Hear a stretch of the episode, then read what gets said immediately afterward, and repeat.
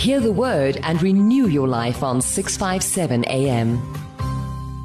How then, still going back to my question, do I prepare myself better mm. for the mm-hmm. future that is upcoming? The first thing I'd like to share is um, on the world called itself responsibility. Um, now, this word have I have never been in a position where I really understand what does it mean. Yes, a lot of people have spoken about take responsibility, take charge, but what exactly does it mean? I finally discovered that this word is a combination of two words. Mm. Uh, the mm. first word being, of course, response, and the second word is ability, mm. meaning that in every environment and in every situation that is happening, we always have a choice to decide in terms of how do I want to respond to it? Do I either respond negatively or positively? Mm. Now, if you are caught in one of the two um, scenarios, whether if you are a positive person, you will probably find that the suffering or what is currently happening is preparing you for something better, which is then going to make um, the situation happening now to be much lighter and gives you more courage. Mm. But if you treat it with a negative attitude where you're saying uh, things are only getting worse, things will never be okay,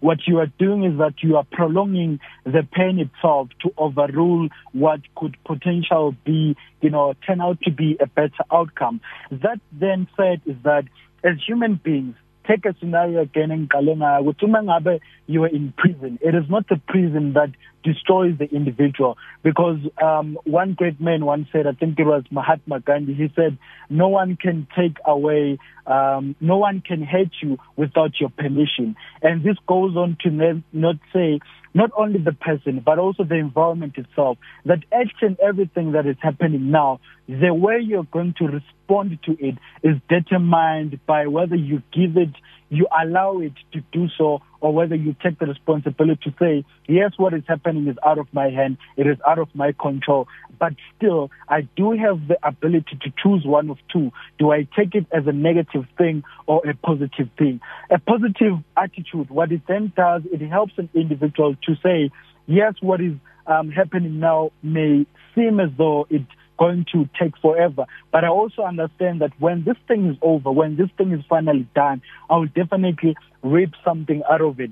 Another example that was shared by Victor A. Franklin was that it was surprising to see in the beginning scenario where there were other prisoners at the very beginning of time who started to serve other prisoners in a sense that whether by giving other food or you know sacrificing themselves for other people and he then says there's nothing special about people currently in any situation who do positive things. It's not that they are crazy. It's not that they are you know mentally not okay. But it is in our ability as people to decide mm. how do i respond to this. And so whilst most of us are losing uh, power we saying no things just i wish things could go back to normality. It also question itself ukuthi when you go back to the normality do you still recall that you as an individual mm. you complained about not being happy in certain relationship not being happy in a certain job for example not being happy about your own even personal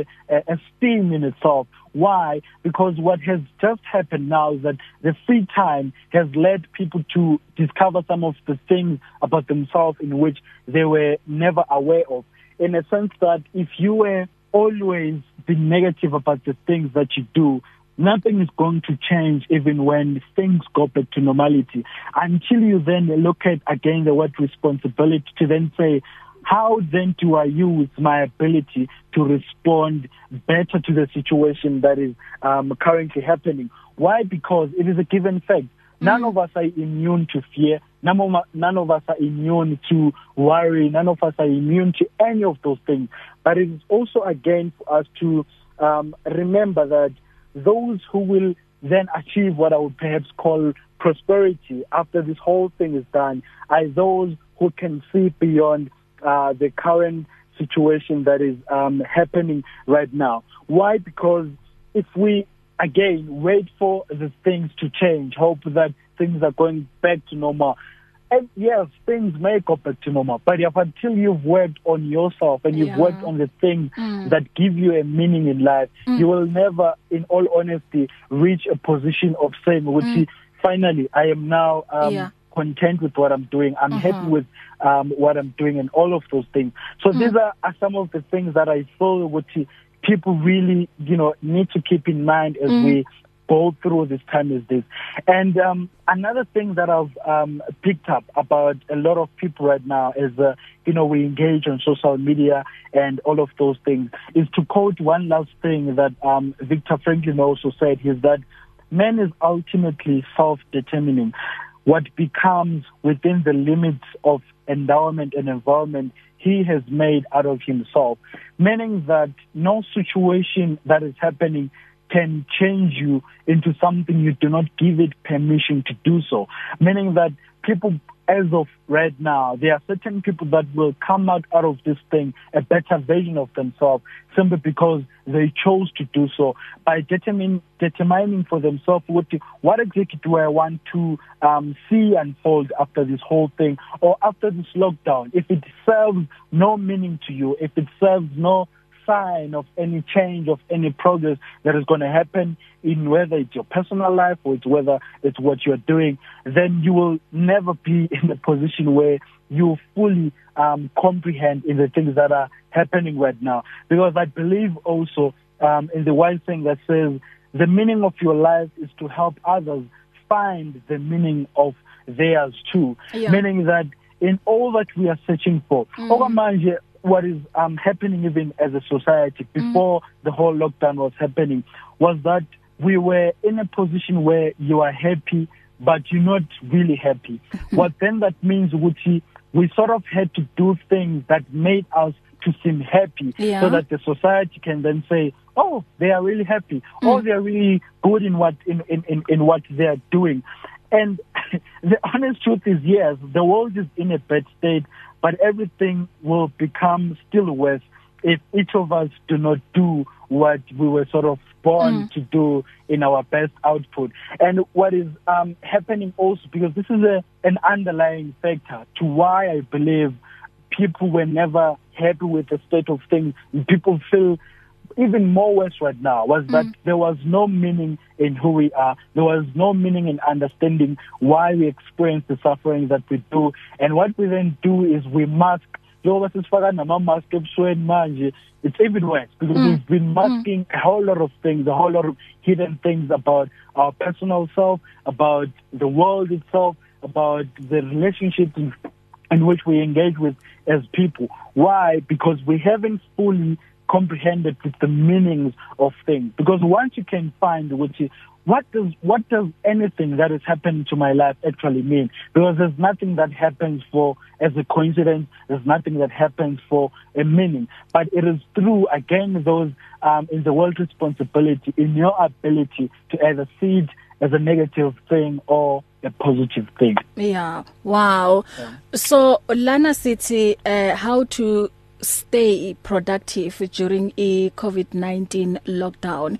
Eh siyeke ukucomplaina ukhulumile ngokucomplaina phambilini ukuthi eh ah, abantu bebaye emsebenzini beba complain eh khona manje basekhaya still basa complain so yes. today i motivation yethu ukuthi sebenzisa isikhathi lesi onaso ngendlela okuwukuthi em uzozuza ekugcineni. So umbuzo wethu em kumlaleli lapha ekhaya ukuthi lesisikhathi onaso kwamanje esi free wenzani ngaso? U productive yini? And then kulabo abasebenzele ekhaya nginombuzo for bona as well ukuthi kuyasebenzeka yini? lapha emakhaya. Uyazi nje cabanga uvuka kusekuseni uyazi ukuthi moya emsebenzini uyavuka uyageza uyilungisa ungena emotweni uya ku eh, eh, ku transport uyahamba emsebenzini. So now izinto ziyashintsha. Kusho ukuthi manje usibekela isikhathi eh ukuthi ngizosebenza kanje.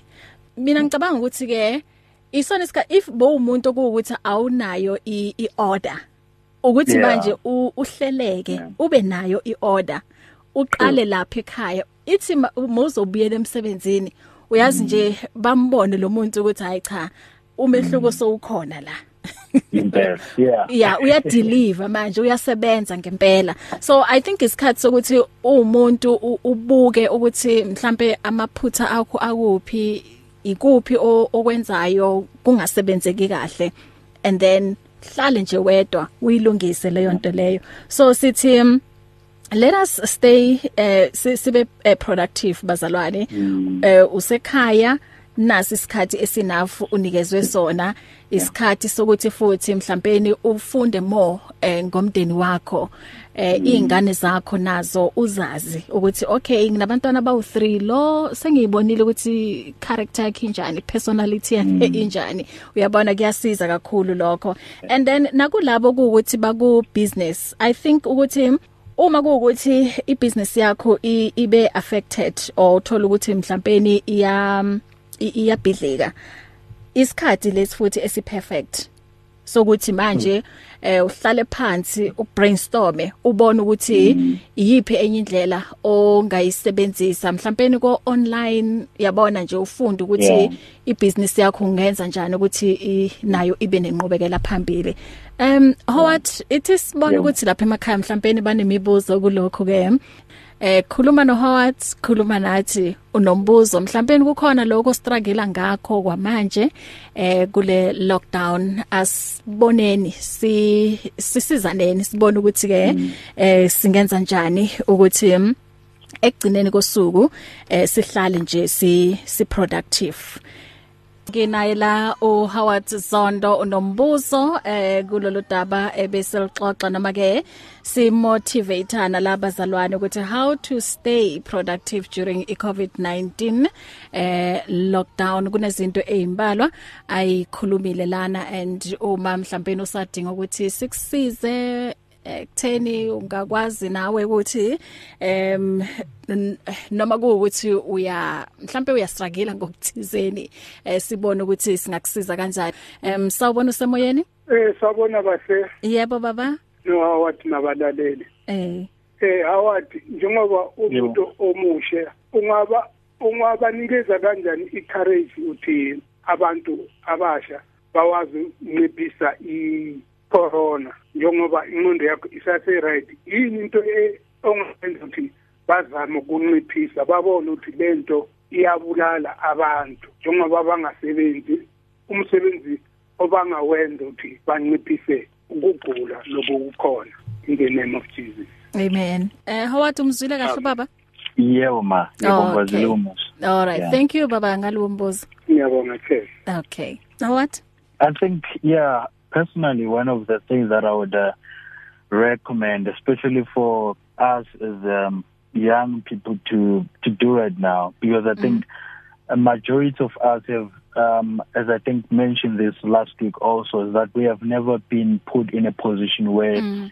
we experience any crisis or any global issue such as this one before yeah. and um in as much as yes it is okay for us to in a way try to keep ourselves calm and not overstress as we would often use humor on on a lot of platforms as well. But i think um the other thing is to not take it lightly and not take it as though um it is just a joke and it's something that is not um in existence per se. And um the best ways um i think what we have done not just only as young people but people in general is just one of um, the major things which is important to just abide and uh, follow what either the presidents or the ministers have been giving out is they're also using this as a scientific research and it is also just for us to um to see it as an an opportunity that is here to test us here to make us in 10 years to come or yeah. 20 years to come to tell how we also managed to mm. overcome our very own crisis because mm. all the great wars and all the great global issues that have mm. happened it's only the first time that we face our own so let's yeah. take it head on and make sure that the generation coming after us does not see us as failures mm. who failed to overcome this thing because yeah. Suwenze sayithatha as a humor so yeah, yeah that mm. would just be my advice wow and then omunye lana uthi how can one get uh, disciplined of being productive and study when there are a lot of distractions yeah um I think this was one of uh, the the first um, uh, conversations we had in yeah. the beginning. Mm-hmm. That um, it's firstly to say discipline in itself comes when one an individual has set out their priorities, and as a student, I would assume um, one of the major important things to then have at this present time is to really set something small as a timetable, you know, allocating time for your different subjects mm. in terms of what time will you be doing this and um having it set also weekly in terms of this is what I'll be doing on Monday, mm. Tuesday and then making use of the different medias of learning that have been provided online of course yeah. and um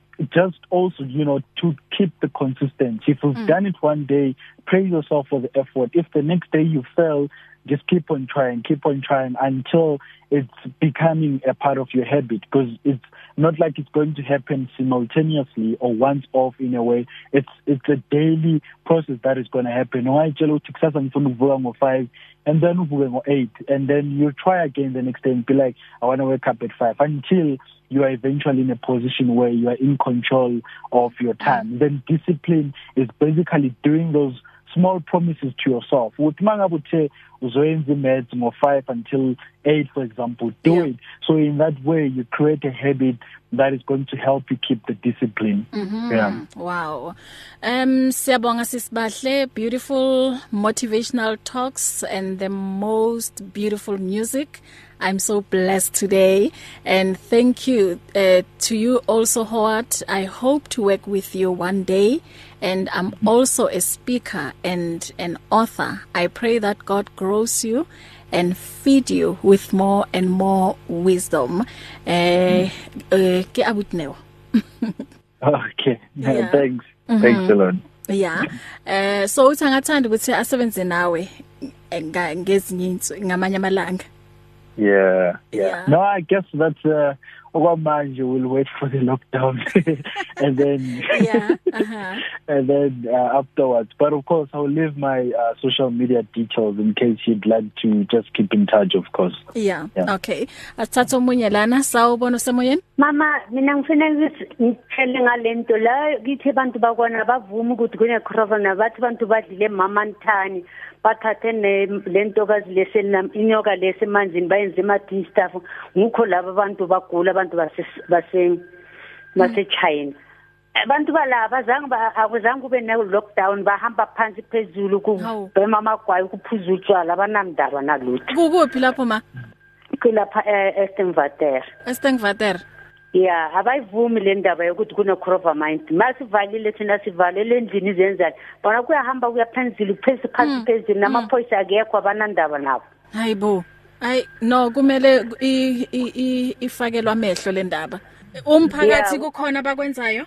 Ah angithi manje thina masisivalele the whole distance eh. lesikhathi sonke cha azange siphume. Khona manje masiphuma ngithi siyazivala la sivalwa intokazi sibhanze sigcoka nama gloves mara iphansi phezulu especially batsha mama eish batsha. yo yo yo yo mama. Yazi futhi siyathuka sithi hey thina abadala ngoba bathi lento leyibulala abadala. Sithi hayi thina abadala izosibulala ngoba bona abanendaba mabatshela bathi ah kulale into enjalo la. Bathi kama mama thani labantu le. Bathi badla mama thani hayi yazi lenyoni le ephapha njengegundwane ngiyayibona ehe. Yeah bana batho ba jile mama nthane ba tserile mamu gaso ba ira di teen stuff ba no gone ba no ke bolwetse bo. No tshwantse le le le phagamele taba e mama. Because eh. go ba tlo feleletsa ba e spreader ntwena and high spreader ke mathata. Akore ha ba dumele ka gore a ke re mo rena go shibile motho ba mmoneng a lwala. Oh bona ke bo ke ba ke bo Thomas ke bo magolo ka o bona. Yeah ke bo Thomas. Yeah ke bo Didima. Didima o no bona ngemehlo. Awa he hona le motho o ileng hore a ka gona go kwala email and then a khona go irumela go the relevant person. Eh please abe teng and then le kwaleng le kwalo le romele ko mothong o relevant and then gore a khone go attend Stengvater okay thank you mama. re a le bo i corona i coronavirus ne mam eh isho ithi coronavirus. Ah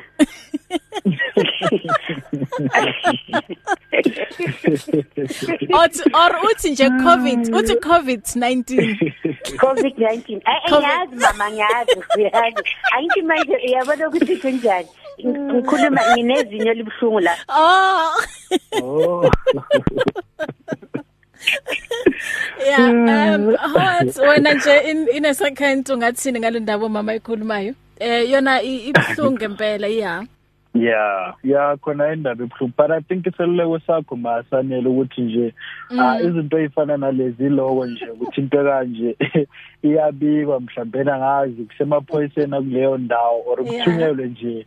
Um i-email to other angazi health ministers or into kanjalo nje but ngiyasithemba nje ukuthi kodwa bazokwazi ukuyiphakamela nje bayixazulule leyo ndaba. Yeah okay yeah. um siphuma ke amazwi akho okugcina Um yeah in closing um what I would really say ukuthi I hope um in this time uh, that we in people do not um fall short sighted of just the immediate um circumstances that are happening but we also keep in mind that at the end of the day we are the ones who are truly uh, the deciders of our environment, the deciders of what um, the future should be and should become. Until an individual makes it their personal choice to change, then the change will be seen. But yeah. until that is is is, is achieved, then mm. nothing will really ever um, progress or yeah. happening. Mm, yeah. Mm, mm. Yeah, usas usas Moriana uthi beautiful show bahle heart is a great speaker. Ngibongile. okay, sikuthola kuphi Howard? Yeah, uh, the best platform is uh, Facebook. It's Howard Zondo and then uh, for emails it's also still howardzondo mm. uh, and uh, in case you might need uh, something I don't know via WhatsApp it can be 062071 1823. Ngicela uyiphinde. 062 071 1823. Mhm. Eh siyabonga siyabonga. Eh asiphinde futhi sihlangane I don't know when kodwa ke ukuhlangana khona sizohlangana. Siyabonga kakhulu ukuthi ube nathi um usilethela nje um, um i-motivation. Hear the word and renew your life on 657 AM